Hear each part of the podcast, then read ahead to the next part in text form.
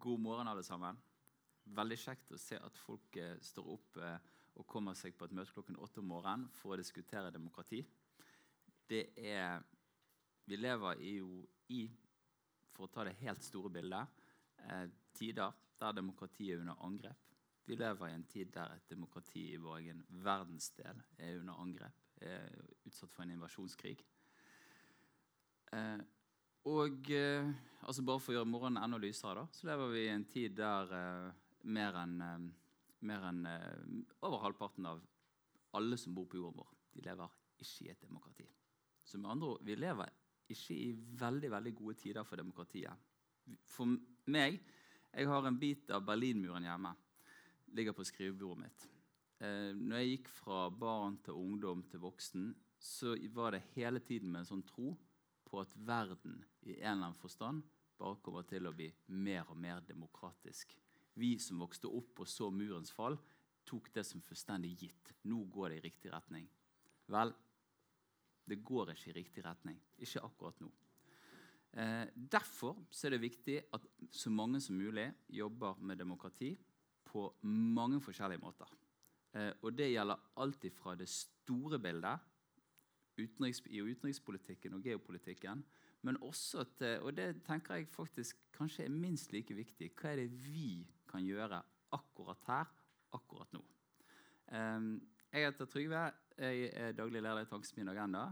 Eh, veldig glad for at dere er her. Veldig glad til dere som følger oss på stream. Um, og um, veldig glad for at vi rett og slett kan pres presentere et kort, lite notat, men med noen veldig konkrete forslag til hvordan vi kan gjøre neste års lokalvalg i Norge til et valg der valgoppslutningen går opp og ikke ned, sånn som man har gjort i altfor mange valg. Eh, jeg synes eh, jeg vil gjerne gi honnør til mine kjære kollegaer som har gjort en kjempejobb på ganske kort tid. Satt sammen et interessant notat om et, et interessant eksperiment fra Fredrikstad. Eh, der de har greid å få opp valgdeltakelsen i noen utvalgte bydeler. Eh, og håper mange kommer til å lese det. Håper mange rundt omkring i norske kommuner kommer til å lese det. Eh, og at dette kan være begynnelsen på en sånn type trend. Det, må starte, det er nesten litt sånn slagordet for 80-tallet. Eh, tenk globalt, men start lokalt. Også om lokaldemokratiet. Så eh, da ønsker jeg eh, å gi ordet videre til ingen ringere enn stortingspresidenten vår, eh, som har spilt inn en hilsen for oss. Og så eh, tror jeg dette blir et kjempespennende møte. Takk for at dere kom.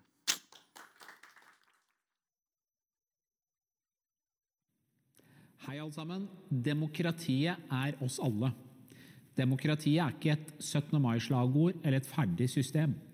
Demokratiet forutsetter aktiv og bred deltakelse, en demokratisk kultur og en bevissthet om bred inkludering. Dersom enkeltgrupper faller utenfor den demokratiske samtalen og deltakelsen, så rammer det oss alle. For da svekkes det brede, inkluderende og fungerende demokratiet som vi alle er avhengig av. Jeg er derfor veldig glad for at dere er samlet her i dag for å drøfte dette viktige temaet. De unges deltakelse i demokratiet. Jeg er også veldig glad for at dette ikke bare skal være å løfte fram vakre ord om hvor viktig og verdifullt det er med unges deltakelse i demokratiet. Det skal også være en drøfting av konkrete tiltak for å øke unges deltakelse, forståelse og nærhet til demokratiet og politikken bl.a. gjennom valgdeltakelse. Her på Stortinget går det i ett mange timer i døgnet nå for tida for å få fullført alle saker før sommeren. Det er helsesaker, utenrikssaker, samferdselssaker på løpende bånd. Alt skal debatteres og voteres over. Så vi sørger for best mulige løsninger for samfunnet. Men også selve demokratiet og ivaretagelsen og utvikling av demokratiet og deltagelsen er noe vi må ta politisk ansvar for og treffe konkrete tiltak for og faktisk anstrenge oss for. Akkurat som det ikke er nok å være et godt helsevesen eller for en god samferdselspolitikk.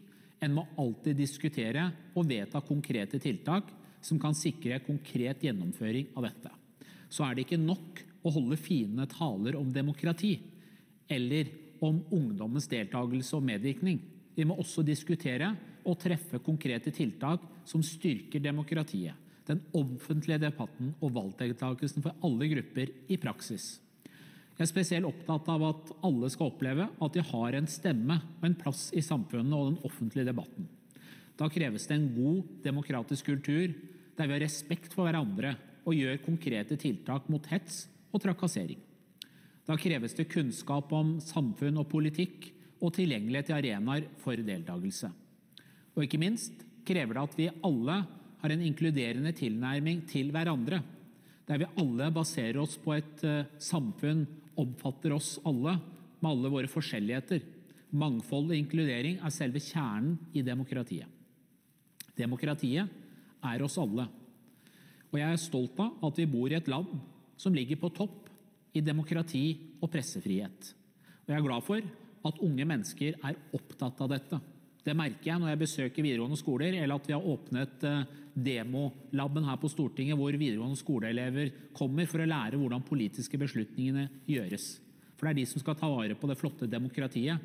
Da må de ha innflytelse, da må de lære hvordan politiske prosesser er.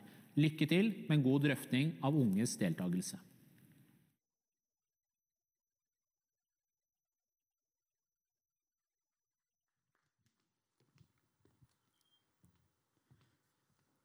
Da var det min tur til å si noen ord om notatet vi har skrevet. Men aller først har jeg lyst til å også få lov til å ønske dere alle hjertelig velkommen.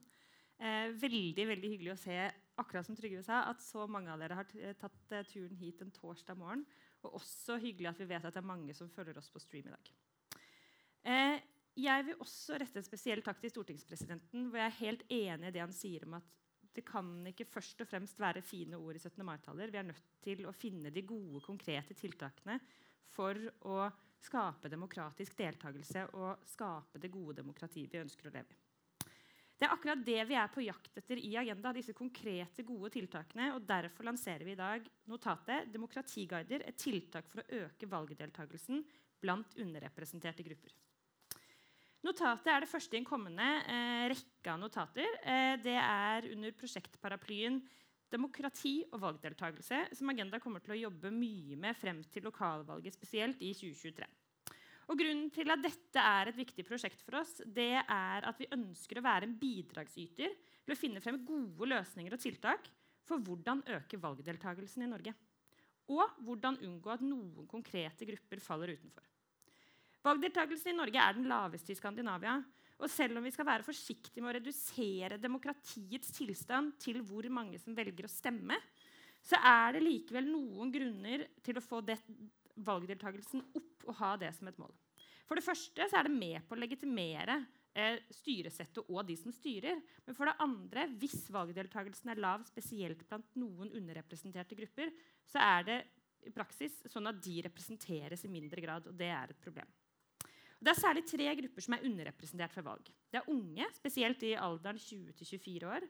Det er personer med innvandrerbakgrunn, og det er personer med lav sosioøkonomisk bakgrunn, f.eks. med lavere inntekt, eh, dårligere arbeidsforhold og lavere utdannelse. I dag lanserer vi dette notatet Demokratiguider, hvor vi dypdykker ned i det jeg vil tillate meg å kalle både et nyskapende og relativt ambisiøst prosjekt, eh, og tiltak for å øke valgdeltakelsen, nemlig demokratiguider, som Fredrikstad kommune startet med første gang til lokalvalget i 2019 og fortsatte med til stortingsvalget i 2021. Fredrikstad kommune hyrer ikke lenger bare inn valgfunksjonærer når det er valg. De hyrer også inn eh, demokratiguider. Og deres jobb er å informere og inspirere til eh, valgdeltakelse. De har altså fungert som en politisk nøytral informant som har vært ute blant folk med oransje jakker med kommunens logo og svart på spørsmål som når åpner valglokalene? Hvor er valglokalene? Eh, hvor kan jeg stemme? Må jeg ha med valgkort? Og ikke minst, hvorfor skal jeg stemme? Eh, valgdeltakelsen i de to kretsene hvor demokratiguidene ble utstasjonert i, til valget i 2019, den økte. Dessuten var det en betydelig økning i valgdeltakelse blant unge i aldersgruppen 20-24 i samme krets. Og dette mener vi er såpass lovende og at det gir grunnlag for videre utprøvning. Så På bakgrunn av det så kommer vi med to forslag i notatet. Det første det er eh, at kommuner landet over bør teste ut denne ordningen. De bør følge etter Fredrikstad og ta saken i egne hender og sende demokratiguider ut i kommunen i forkant av lokalvalget 2023. Og så har vi en annen, kanskje litt mer ambisiøs anbefaling, og det er at dette her bør bli et testprosjekt nasjonalt. Sånn at man får et utvalg kommuner til å gjennomføre dette her, og at vi får en helhetlig evaluering av selve tiltaket. Før jeg avslutter nå og gir ordet til eh, våre eminente gjester, så vil jeg få lov til å takke noen av de som spesielt har bidratt til eh, dette notatet. Tusen hjertelig takk til eh, Fredrikstad kommune, først og fremst. Til Erik, Dick, Ellen og Trond Øyvind, som, som også sitter her i dag. Takk til Øyvind fra SSB, og en stor takk til Demokratiguidene. Det er jo de som er stjernene her i dag. Og så vil jeg også si tusen takk til alle andre som har bidratt i samtaler, kommentarer, innsikt, fakta osv. Som, som sånn det er når man skriver et notat i agendaen. Nå gleder jeg meg veldig til å høre om eh, det faktisk er sånn at unge gir blaffen i demokratiet, eller om det er sånn at verden ser litt lysere ut enn som så. Så tusen hjertelig takk, og kos dere med debatt.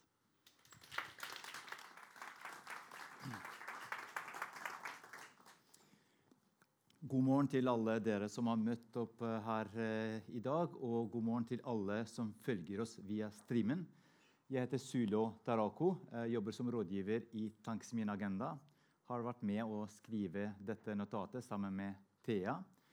Eh, og nå skal jeg fungere som ordstyrer. Så jeg har gleden av å ønske velkommen til vårt kompetente og spennende panel bestående av Øyvind Kleven fra SSB. Velkommen til scenen. Eh, Martin eh, Stubban fra eh, Opinion, som er en meningsmålingsinstitutt. Maren Grøtte, stortingsrepresentant fra Senterpartiet.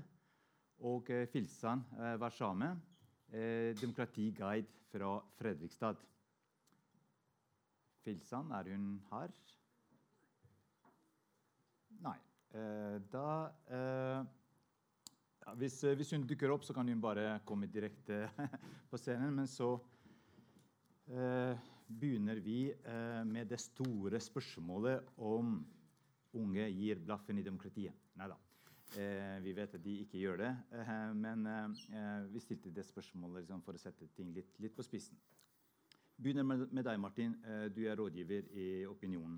Og dere gir ut årlig en stor rapport som sier litt om hvordan det er å være ung i Norge. Eh, hvilke utviklingstrekk vi ser blant unge, trender osv.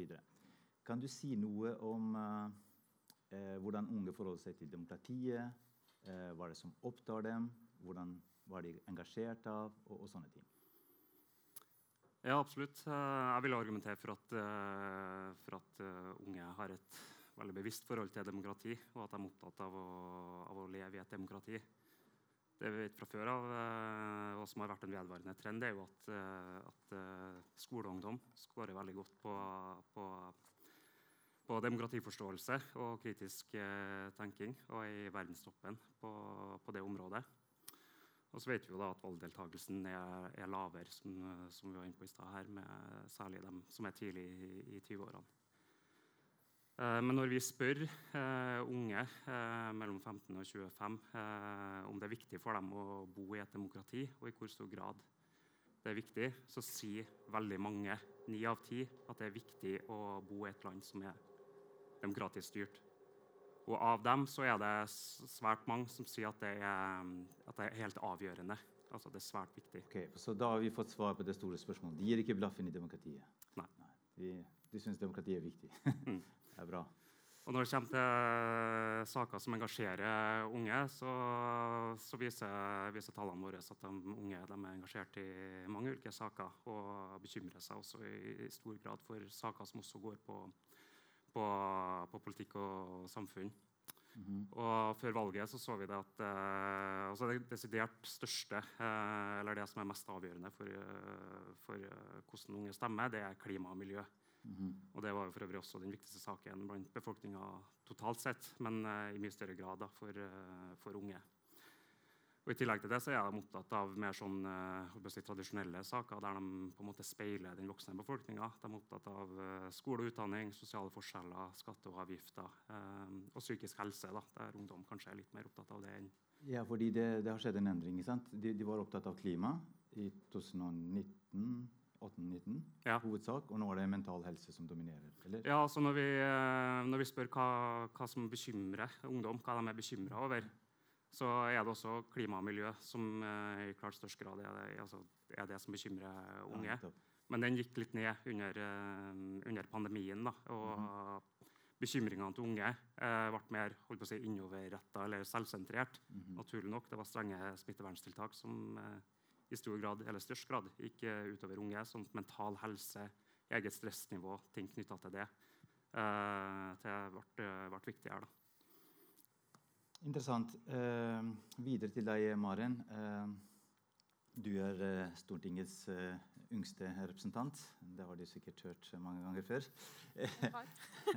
Eh, I hvilken grad kjenner du deg igjen i den beskrivelsen av hva som opptar unge, og de bekymringene som, som eh, Nei, jeg kjenner meg veldig igjen i den beskrivelsen. Og jeg tror på en måte eh, til syvende og sist så er jo ungdommen er jo en speiling av resten av samfunnet, dem òg. Mm. Eh, og er jo nok engasjert i like mye små og store saker som alle andre innbyggere er.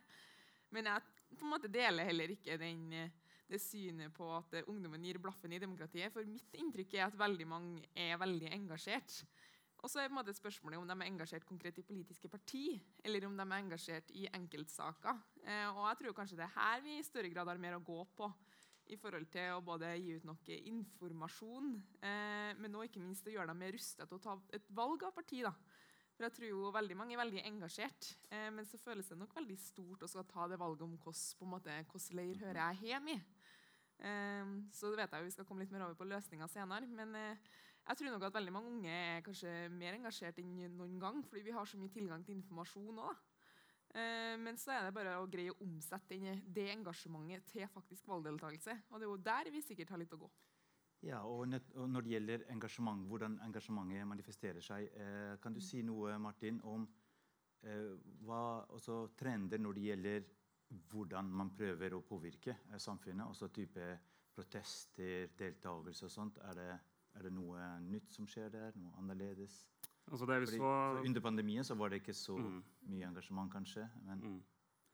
Ja, det vi så før uh, Den unge undersøkelsen som Opinionen lanserer, den har jo pågått i flere år nå. Det vi så før uh, pandemien, var jo at, uh, at engasjementet økte år for år. Altså var flere som var engasjert i politiske spørsmål, flere som uh, boikotta produkter, flere som, som deltok i demonstrasjoner, og som var medlem i, i, eh, i eh, frivillige organisasjoner og engasjerte seg i, det.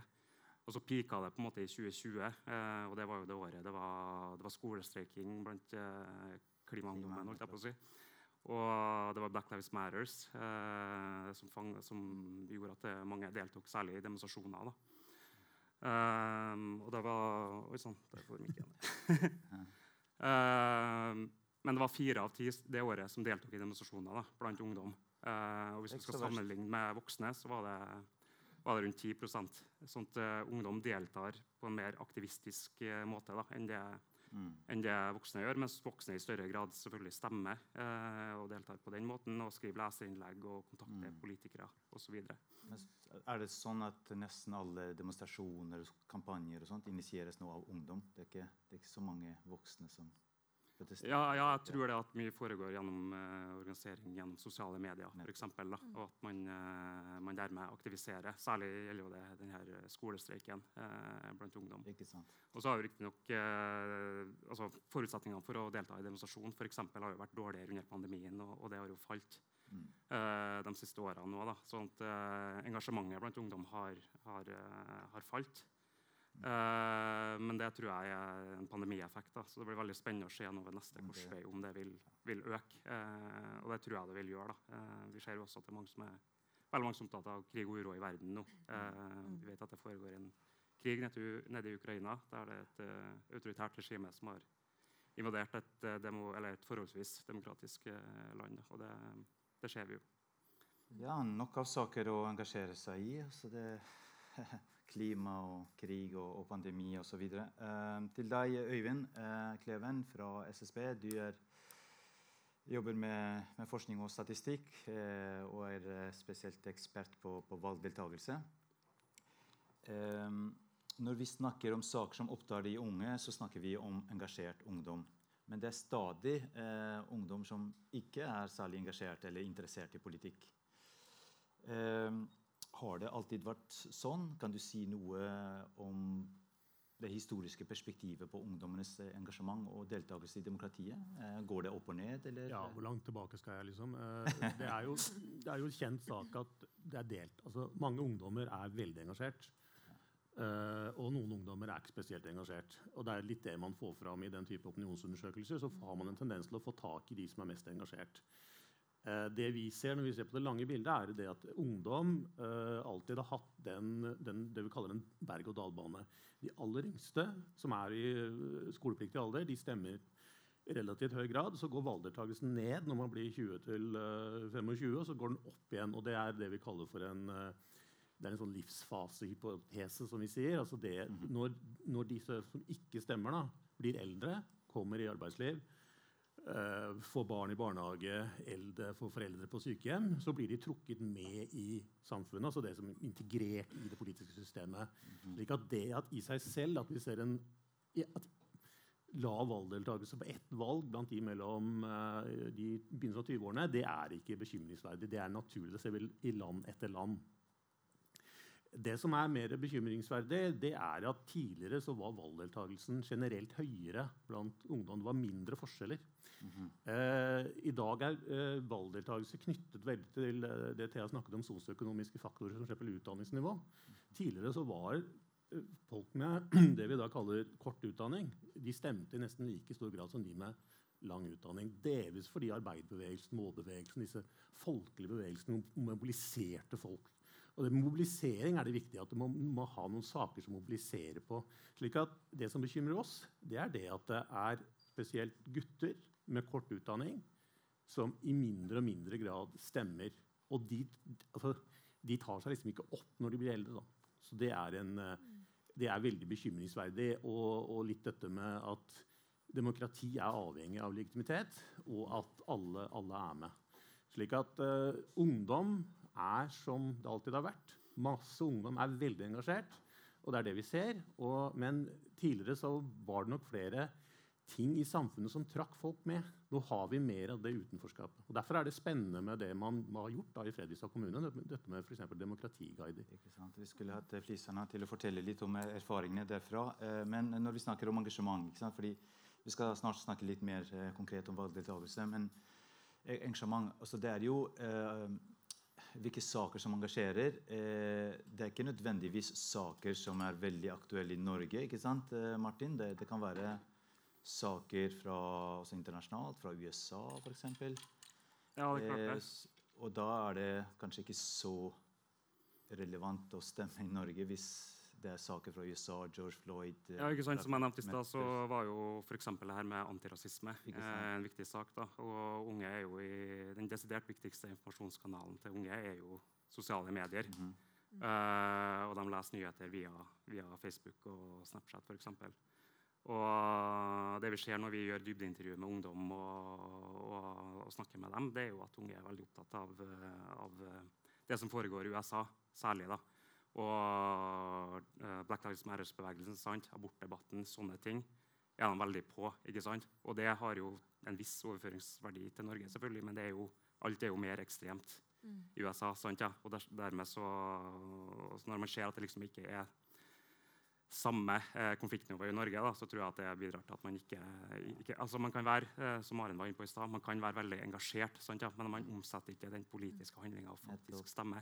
Jeg har hørt et eksempel fra deres rapporter om eh, eh, engasjement om at tamponger var momspliktige i USA, mens kondomer ikke var det. Mm.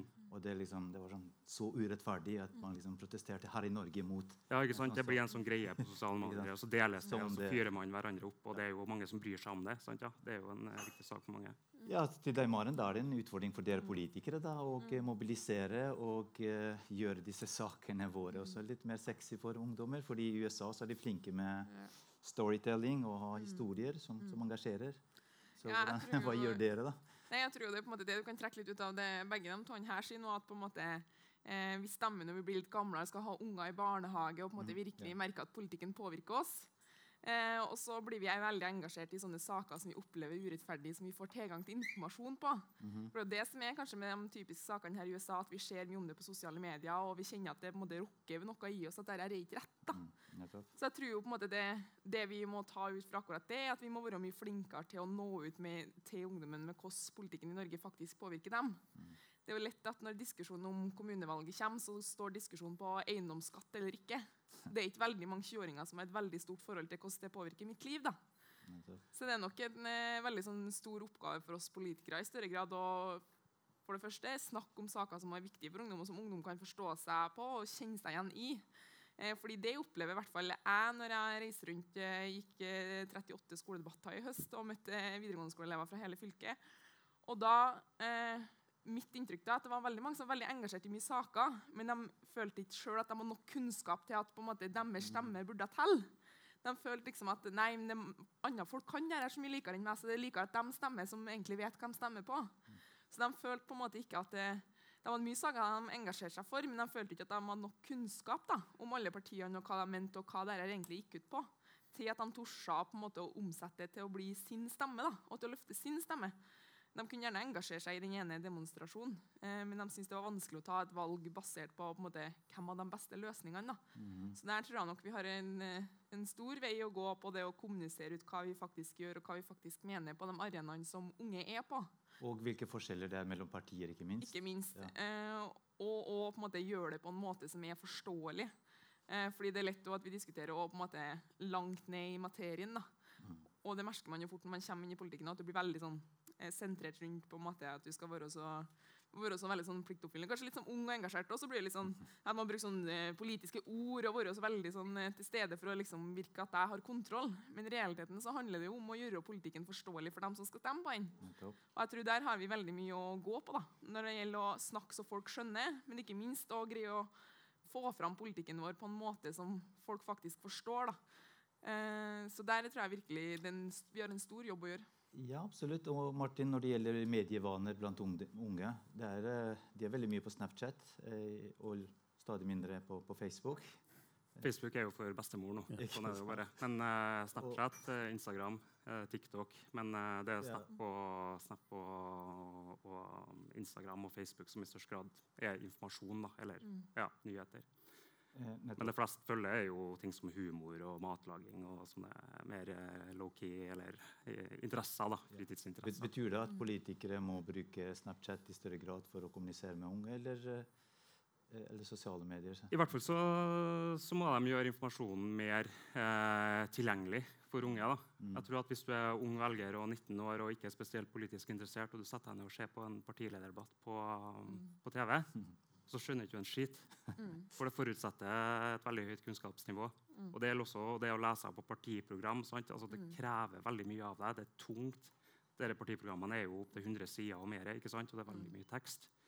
Uh, og det unge gir tilbakemelding om uh, i våre undersøkelser, det er jo at det skal være, det skal være kortfatta og relevant. Sant, ja? Og ungdom er jo veldig sånn, de er vant til et høyt tempo, alt skjer på nett. De er oppvokst med, med internettet, oppdatering og nyheter hele tida. Og bare for å ta et sitat, da, så er de, altså, de er vant til å bli eh, aktivisert. Det var ei jente som sa det at hun hun, eh, hun leste ikke, eh, hun, hun leste ikke eh, nettsaker fordi det var så mye tekst. Eh, og så spør vi hvorfor ikke. Ja, men herregud, vi kjeder jo oss bare vi går opp trappa.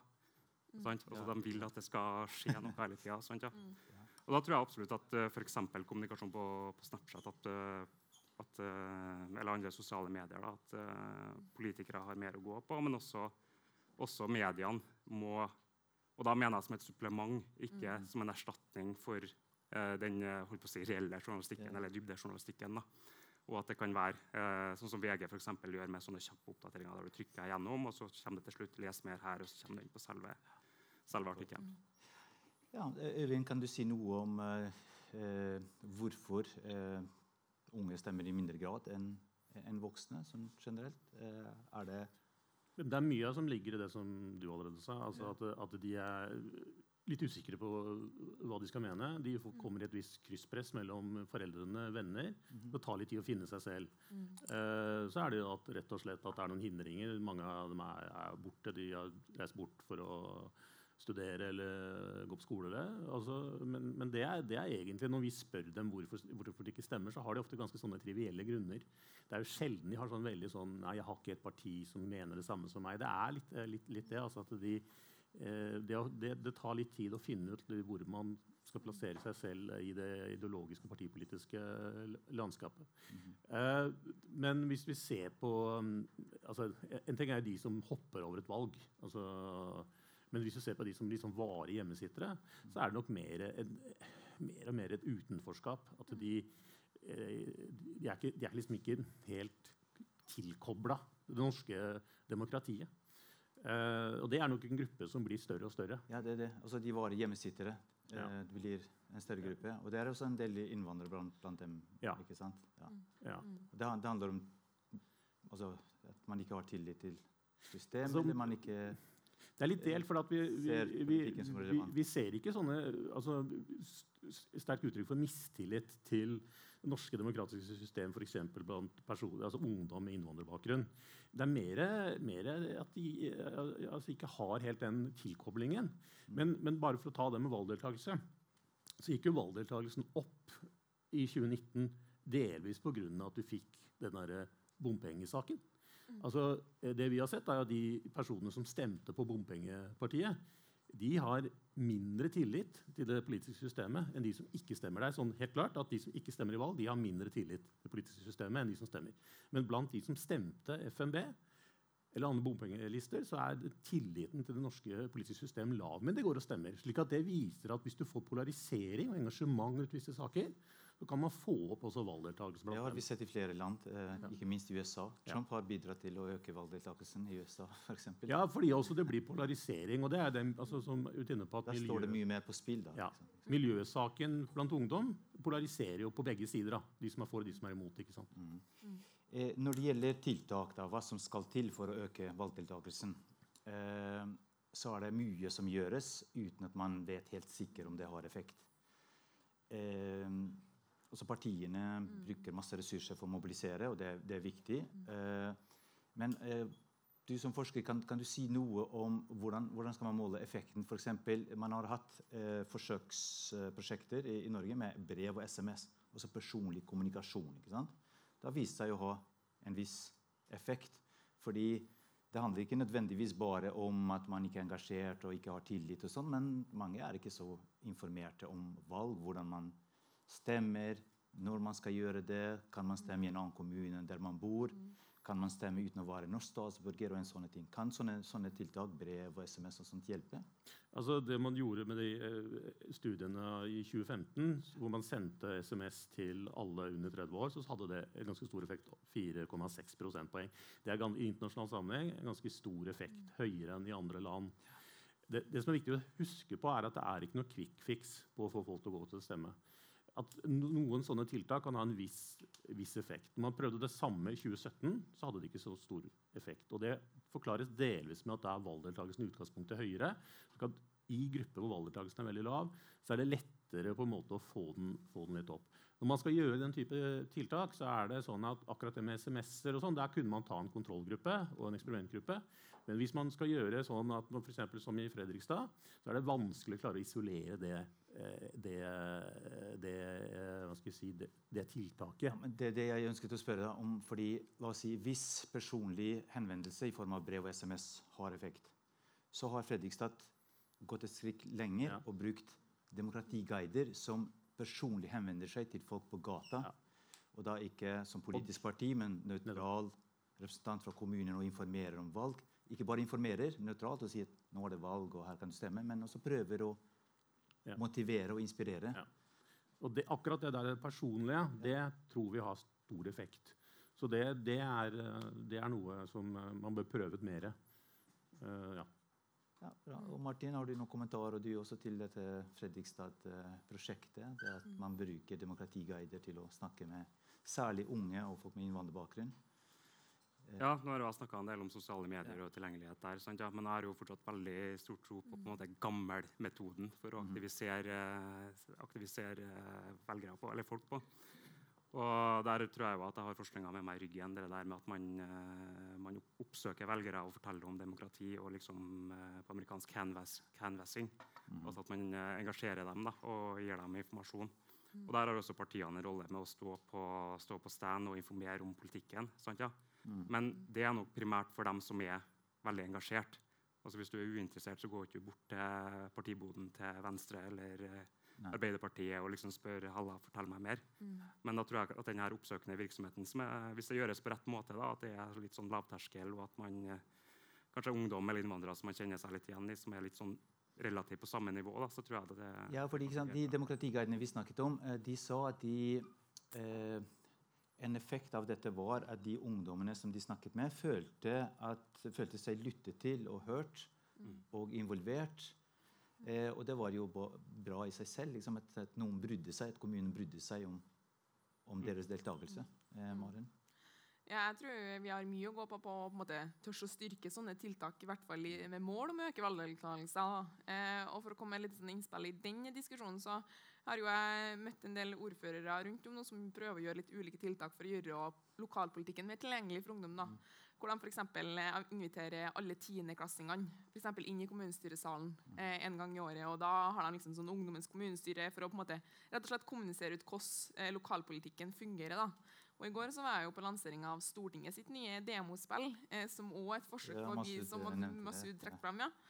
Eh, og jeg tror på en måte at, eh, og der er jo to små ting, men det men også gjennom hvordan vi gjennom utdanningssystemet og kan kommunisere det her mer ut. For vi lærer jo om demokrati gjennom skolen vår, og det er jo på en måte gjennom skolen at vi har muligheten til å møte alle barn og unge og på en måte gi dem de verdiene på veien ut. da. Eh, så jeg tror vi har mye å gå på å gjøre den politikkforståelsen mer interessant. Eh, og at elever fra start da, og ungdommer fra start opplever at her har jeg en stemme, og her har jeg nå nok kunnskap til å greie å følge med. For det er både det å gi dem nok kunnskap, samtidig som vi må gjøre politikken mer eh, tilgjengelig. da. Eh, så jeg tror, tror vi har mye å gå på på den fronten. da. Og på å gjøre det på en måte litt tilgjengelig. og sånn de Da er det spørsmålet spørsmål. hvem som har ansvar for å gjøre det. Eh, Når vi har snakket litt med, med forskere og andre i forbindelse med dette prosjektet, så har eh, spørsmålet om kommunenes, og statens ansvar eh, dukket opp og blitt problematisert litt. Eh, er det sånn at man skal la liksom, ungdommene være i fred, eller skal, har staten og kommunene et ansvar for å få flere til å bruke stemmeretten sin? Eh, først til deg, Øyvind. Om du har noen refleksjoner rundt det? Altså, Har de, har de en plikt? Altså, historisk sett så har jo Stortinget bevilget penger til å ha informasjonskampanjer. Det gjorde man når man senket stemmeretten til 18 år i, i, i 79 og i 81. Eh, så, man, så I Norge har jo staten tatt en, en sånn rolle på informasjonssiden. Men så er det også viktig å si at det er de politiske partiene som er liksom bærebjelken i det norske demokratiet, som først og fremst må skape det engasjementet. Men altså, og man har hatt ulike sant, forsøket med stemmerett for 16-åringer. og slik Man har tradisjon for at offentlige myndigheter og offentlige myndigheter bidrar også mye med informasjonsmateriell rettet mot personer med innvandrerbakgrunn. Så i vårt politiske system så har vi en lang tradisjon for, for det. Eh, ja. Ja, for eksempel, la oss si Hvis det er grupper som ikke er informert nok, så har man i hvert fall en informasjonsplikt Ja. eh, fra kommunens side. Martin, har du noen kommentarer eh, til det? Eh, om Ja, helt klart så mener jeg at uh, myndighetene har et ansvar for, for uh, å i størst mulig grad tilrettelegge for, uh, for høy valgdeltakelse. Og det gjelder ikke bare ungdom, men også, også innvandrere for eksempel, eller folk med, folk med lav utdanning. Og det handler jo om denne representasjonen. ikke sant? At det blir en uheldig spiraleffekt hvis, eh, hvis eh, færre unge da, for stemmer. Eh, og det vil jo partiene merke, og det, det vil jeg tro partiene merker seg allerede nå. Og da fokuserer de heller på saker som opptar den eldre velgermassen. Da. Og så er jeg helt enig med Øyvind i at de politiske partiene har, har et eh, stort ansvar. Sant? Ja, de står på stands, de går på, fra, fra dør til dør og må forklare eh, unge velgere hvordan, hvordan eh, demokratiet fungerer. Og så tror jeg ofte når vi snakker om uh, unges valgdeltakelse, at, vi, at, vi, at det blir litt sånn normativt. At uh, hva kan du gjøre for demokratiet? Altså mm. hos dem. Kanskje det er mer riktig å spørre hva kan demokratiet gjøre for de unge? Veldig godt poeng. Ikke sant? Altså få, få fra hos, hva kan du endre, Uh, hva kan politikerne gjøre? Og hvilke saker kan de ta opp for at du skal oppleve, eller unge da, skal oppleve at, det- Ja, og at man ting ikke henvender seg til dem bare når det er valg, men ellers. Ja, ikke sant? Ja, Det er også et poeng. Ja. Øyvind, du skulle kommentere. Nei, altså, altså, må, må også sies at det, det, er ikke, det er ikke bare det at myndighetene skal pushe folk til å stemme. Det må jo også være et informert valg. Altså, det er ikke bra hvis alle, altså, man går og stemmer nærmest bare for å stemme. Eh, nå ser vi at det er ikke tilfellet. Altså, det er, men altså, også må sies at det, må, det er også lov i et demokrati å si at nei, jeg er fornøyd med tingenes tilstand. Jeg vil ikke stemme. Så jeg eh, spør en del eh, bosnere og eh, også folk fra Øst-Europa eh, om hvorfor de ikke stemmer, fordi de er ellers veldig integrerte. Og, og jeg får høre ofte at ja, jeg er fornøyd med tingenes tilstand. Jeg vil ikke ha noen endring. Jeg. det er fint for meg, så uansett hvem som styrer, så er jeg fornøyd. Så det er jo også sånne velgere, da. Som, ja. Ja, da, og Det er jo sikkert også et resultat at vi egentlig har det ganske bra i Norge. Men det er jo på en måte der det er et offentlig ansvar å på en måte ta vare på demokratiet for at vi også skal kunne fortsette å ha det bra. da. Så det er nok det vi også må være flinkere til å kommunisere ut, at uh, vi alle sammen har et ansvar for at vi skal ha et levende demokrati å gjøre framover. Både vi som politiske parti, men òg på en måte samfunnet og politikken i sin helhet da, har et ansvar på det. Eh, sånn at eh, jeg tror på en måte at eh, her kan vi trekke litt sånn paralleller da, til det. At eh, det må være lov til å ikke stemme, men man må i hvert fall være så godt informert at man har muligheten dersom man føler at man har lyst. Fordi jeg tror på en måte det der problemet ligger at det er mange som kjenner på at åh, jeg må stemme, og jeg har et ansvar, men jeg føler ikke at jeg har nok kunnskap til at jeg kan ta et godt nok valg. Og det er på en måte der, eh, der vi kan bidra mye mer. da. Så er det jo selvfølgelig diskusjoner på en måte om nye prosjekt på eh, lavere stemmerettsalder. Men eh, på en måte i forhold til de prosjektene også, vi løser ikke den problematikken eh, ved å bare senke stemmerettsalderen. Da må vi jo komme mye mer informasjon da, på veien. Ja, Apropos stemme, stemmerettsalderen. Har dere noen kommentarer rundt det? Sånn forskningsmessig, altså Er det noe belegg for å si at det kan øke valgdeltakelsen? Altså, i, I form av at man får en slags trening i å delta og, vel, og, og stemme i, i, før man blir 18 år? Altså, det er jo veldig spennende å se på det. det sånn. Eh, eh, eh, uten at jeg sier at derfor skal man gjøre det. Men, altså, men altså, vi har sett på om eh, de som da fikk muligheten til å stemme når de var 16 år, om de da stemmer ved senere valg. Og det gjør de ikke. De gjør det ikke. Nei, Men det er en teori om at eh, bare man nærmest eh, stemmer en gang, så er det en vane å stemme. og Det, det kan nok være i, noe i, men i, no, fra norske data så ser det ikke sånn ut. Men skolevalg, da? Var ikke det en effekt? Eh, jo, det kan man tro. Men også i land hvor man ikke har skolevalg, så er valgdeltakelsen høyere blant de som er sånn 18-19 år. Så det er, ja, så det er mer det der livs, livsfasen. Så, sånn at uh, ut fra norske data så er, er det ikke noe belegg for å mene eller tro at hvis man får stemmerett som 16 år, at man da får en høyere valgdeltakelse seinere. Men det vet man jo ikke strengt tatt hva som ville skjedd hvis alle i Norge hadde fått stemmerett som 16 år. For det, og det, dette vil som jeg også sier, være veldig vanskelig å helt klart isolere den effekten. av. Der kom det forbeholdet fra forskere, som dere er flinke, flinke med. Eh, Jeg fikk en SMS her at noen fra Fredrikstad kommune er til stede og kan eh, si noe om erfaringene derfra, siden Lisan ikke dukket opp. Så vær så god og uh, presenter deg selv. Ja. Eh, Kan du Ja, ellers var det bare å snakke høyt. Ja, kan du si litt om deres erfaringer, og hvorfor dere valgte eh, demokratiguider som et tiltak, og hva er deres erfaringer med det tiltaket? Fordi det, det handler ikke bare om valg nødvendigvis, men det er også noen andre ringvirkninger i kommunen. Ja. Vi ser nå. Jeg har jobba mange år i NRK, så jeg burde kunne dette her. Men Ja, kanskje sånn. Ok.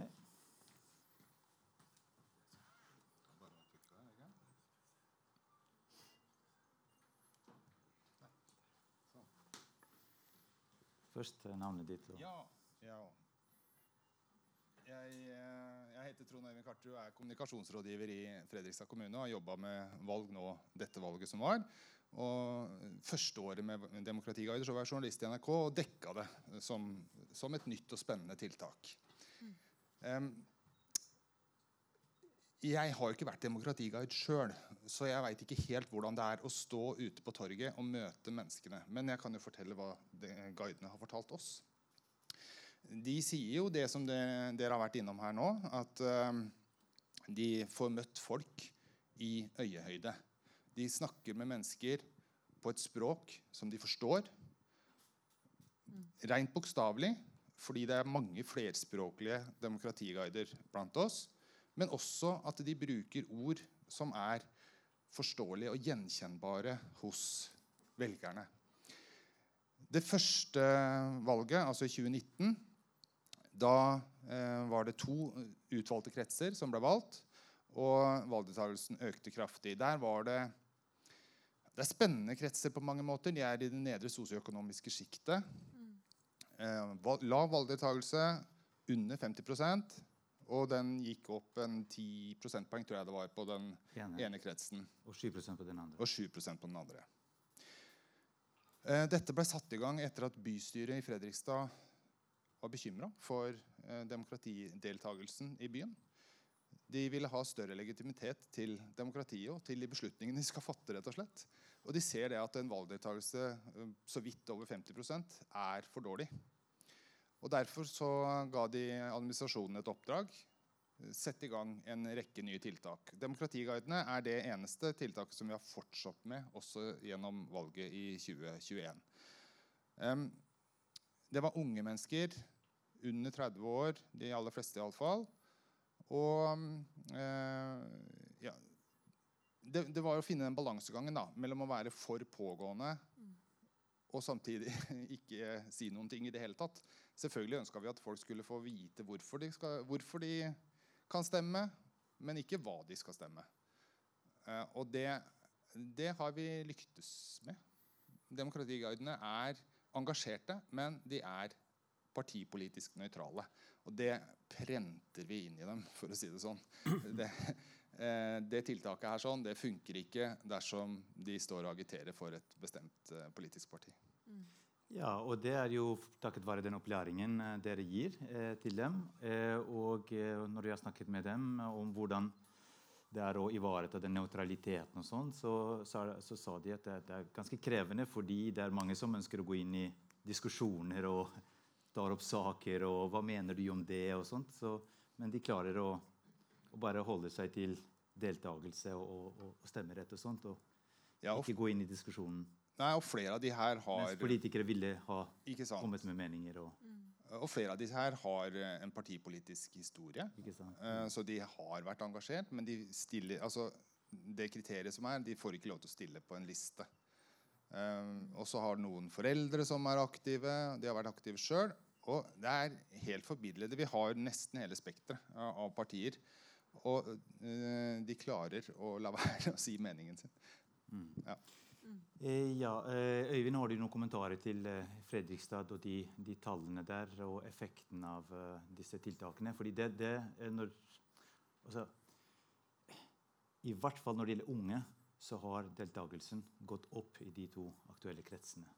Altså ja. unge mellom 20 og 24 år. Ja, altså, som jeg sa, Det er vanskelig å måle effekten av de tiltakene. Uh, for, Bl.a. fordi at ja, hvordan klarer du å, å, å altså hindre at noen fra en annen bydel går inn i den bydelen og får den informasjonen? Sånn, sånne, sånne, ting som det. Men hvis vi graver litt i tallene, så ser vi i hvert fall at valgdeltakelsen blant uh, unge i Fredrikstad den økte mer enn valgdeltakelsen i landet for øvrig. For det var en økning i valgdeltakelsen blant unge fra 2015 til 2019. Og den øker i de, i de, bydelene ganske. Men den øker i mange av bydelene i, i Fredrikstad. sånn at um, det er et spennende, et spennende, prosjekt. Og det har mange av de der det at man altså, som du var inne på, at man går og møter folk ansikt til ansikt, har, uh, har, har nok, uh, er nok et positivt bidrag. Og så må man jo spørre seg ja, hvis ikke ikke Fredrikstad hadde gjort dette, hva ville da valgdeltakelsen vært? Og det, er, det, er, det er litt sånn mer kinkig å, å, å, å, estimere, da. Men, men, det interessante når jeg ser på de tallene, er de to uh, bydelene. da, De skiller seg ikke negativt ut lenger. For de, liksom, de ligger på sosioøkonomisk uh, bynivå. Og der har man sett også at valgdeltakelsen var mye lavere, altså under 50% Men nå er de på lik linje omtrent med, med andre bydeler. Det er jo det har jevna seg ut. Jevna seg ut ja. Absolutt. Det, det, har gjort det. Og så er det jo vanskeligere å måle bydeler nå. Vi hadde over 50% forhåndsstemming f.eks. For Hvordan skal du da kunne klare å måle hvor de forskjellige kretsene hører hjemme? ikke sant?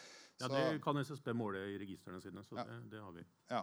Ja, men det er fint. Da vil jeg gjerne få en liten uh, oppdatering. Nå begynner det å bli veldig teknisk her. Men, eh, Ja, men, Men, men vi er veldig opptatt av at vi kan ikke slå fast at demokratiguidene er det som gjør at eh, valgdeltakelsen øker. Men det kan hende at, eh, at det har en positiv effekt, og det har høyst sannsynlig ingen negativ effekt. Så, eh, og, og Derfor prøver vi nå å videreutvikle det her. Vi har ansatt eh, demokratiguider nå som driver og, og finner ut hvordan kan vi jobbe videre med dette her. Hvordan skal vi få guidesystemene til å fungere enda bedre? Eh, Hvilke andre arenaer kan vi være med på Og, så videre.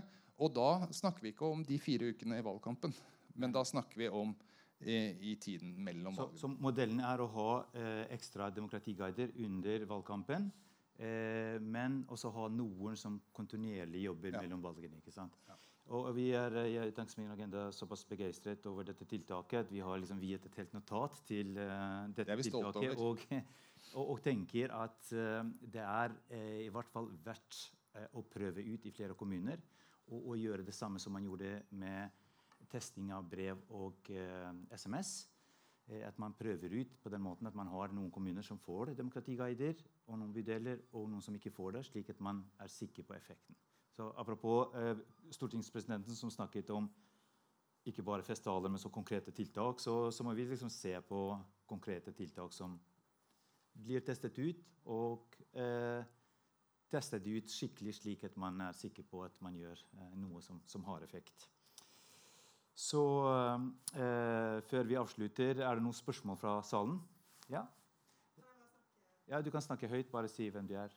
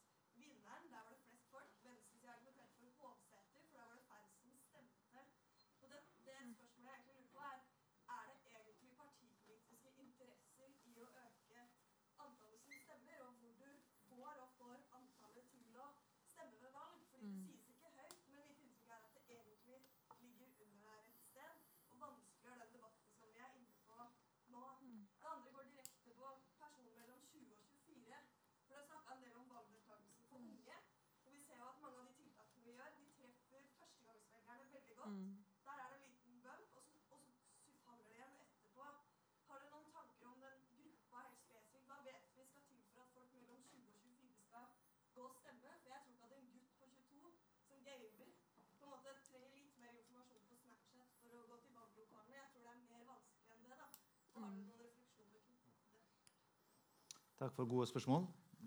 Jeg kan bare, til ditt første spørsmål så kan jeg si at det var selvfølgelig en diskusjon i Fredrikstad også. Hvorfor velger vi disse to stedene? Eh, og det var mange partier som var engstelige og, eh, og ikke i utgangspunktet ønska at vi skulle gjøre det sånn.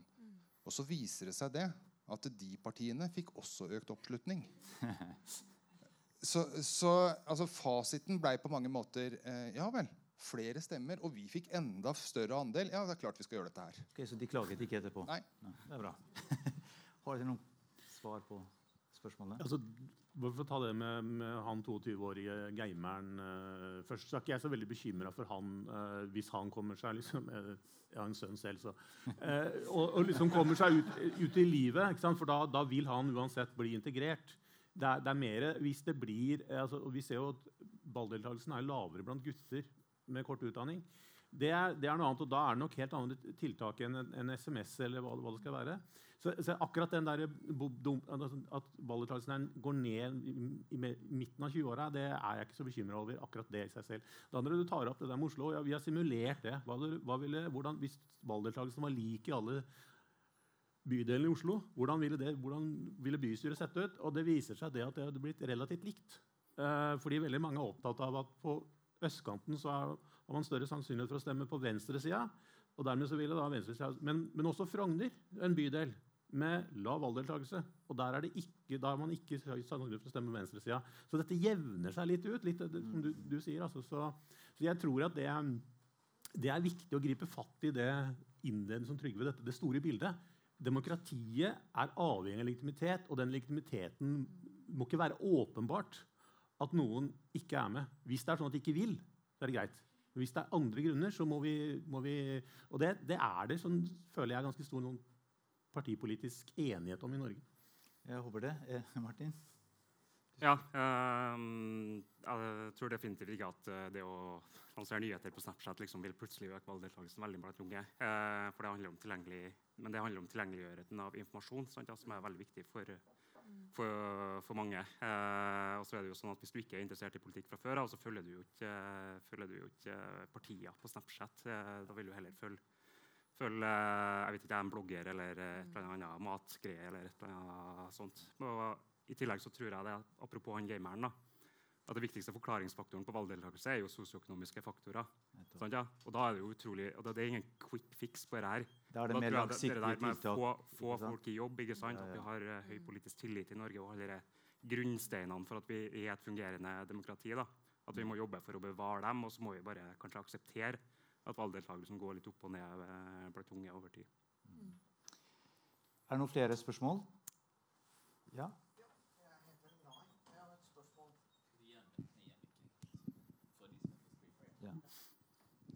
Hei. Eh, jeg har et uh, spørsmål. Uh, valgdeltakelsen er jo lav blant folk med lav utdannelse, mm. med unge folk og folk med minoritetsbakgrunn. Mm. er det forsket på hvis partiene har disse kandidatene altså Det er jo lokalvalget, kommunevalget, hvor man har mulighet til å gjøre endringer. det har man jo på, for så vidt på storting og fylkesting, men det gir jo ikke noe resultat. Har man forsket på når man har de kandidatene?